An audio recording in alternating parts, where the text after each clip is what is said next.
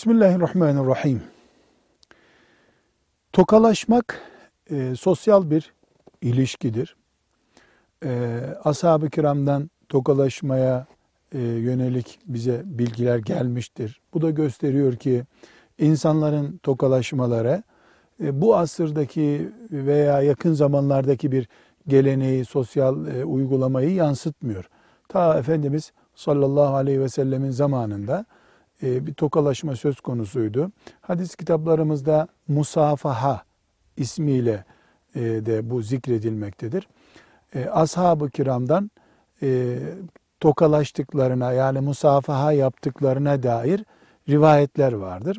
Fakat şu kadar ki tokalaşmayı, musafahayı böyle her namazdan sonra her karşılaştıklarında değil, daha çok işte bir zaman görüşmemiş, bir gün iki gün görüşmemiş e, bir e, ilişki için ya da o süreçteki bir ayrılıktan sonra daha yoğun yaptıklarını, uzun e, gurbetten gelenle de kucaklaştıklarına dair bilgimiz var. Musafaha her halükarda hadis kitaplarımızda sünnet olarak da zikredilmektedir. Bilhassa musafaha yani iki elin e, mümkünse e, dört elin bir araya gelerek e, birbirlerine samimiyet göstermelerine yönelik bir e, uygulamadır.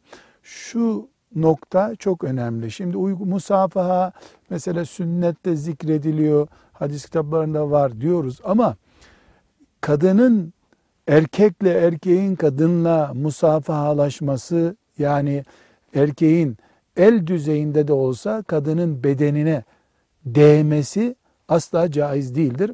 Ayşe annemiz radıyallahu anha çok net bir ifadeyle Resulullah'ın eli hiçbir yabancı kadının eline değmemiştir diyor. Çok açık ve net bir ifadedir bu. Yani şu demek midir, bu demek midir diye bir yorum e, yapmamıza fırsat vermiyor.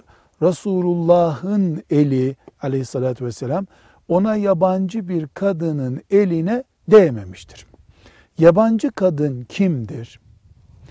Bir erkek o kadın bekar olması halinde onunla evlenmesi caizse o onun için yabancı kadındır. Buna namahrem diyoruz. Eğer e, o kadın evli bekar olması hiçbir şey değiştirmiyor da onunla evlenmesi ebediyen caiz değilse buna da mahrem diyoruz.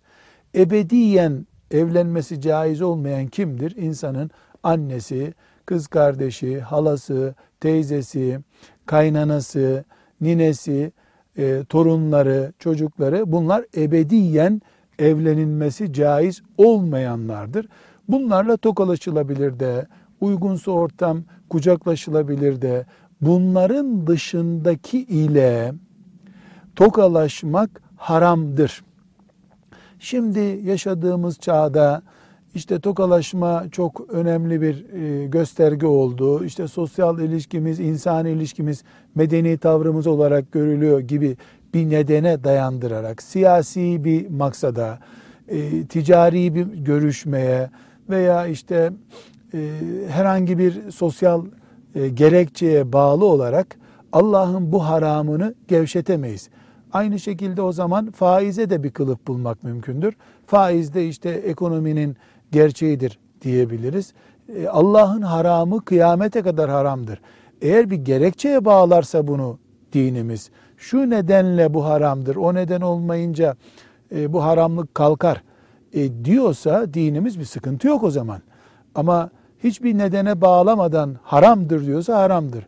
Yani Efendimiz sallallahu aleyhi ve sellemin çok önemli bir e, ifadesi var. Buyuruyor ki bir insan iğne deliğinden geçmeye razı olmalı da yabancı bir kadının üstüne tutmaya razı olmamalı diyor. İyi niyetti, yaşlılıktı, işte e, öğretim üyeliğiydi, e, siyasi görüşmeydi gibi, ticari görüşmeydi gibi gerekçelerle Allah'ın haramlarını gevşetmeye bir başlarsak, eh bunun sonu Yahudilerin, Hristiyanların dinlerini kendilerine göre şekillendirmesi gibi bir sonuç olur ki maazallah ümmeti Muhammed bu bataklığa düşmemelidir. Velhamdülillahi Rabbil Alemin.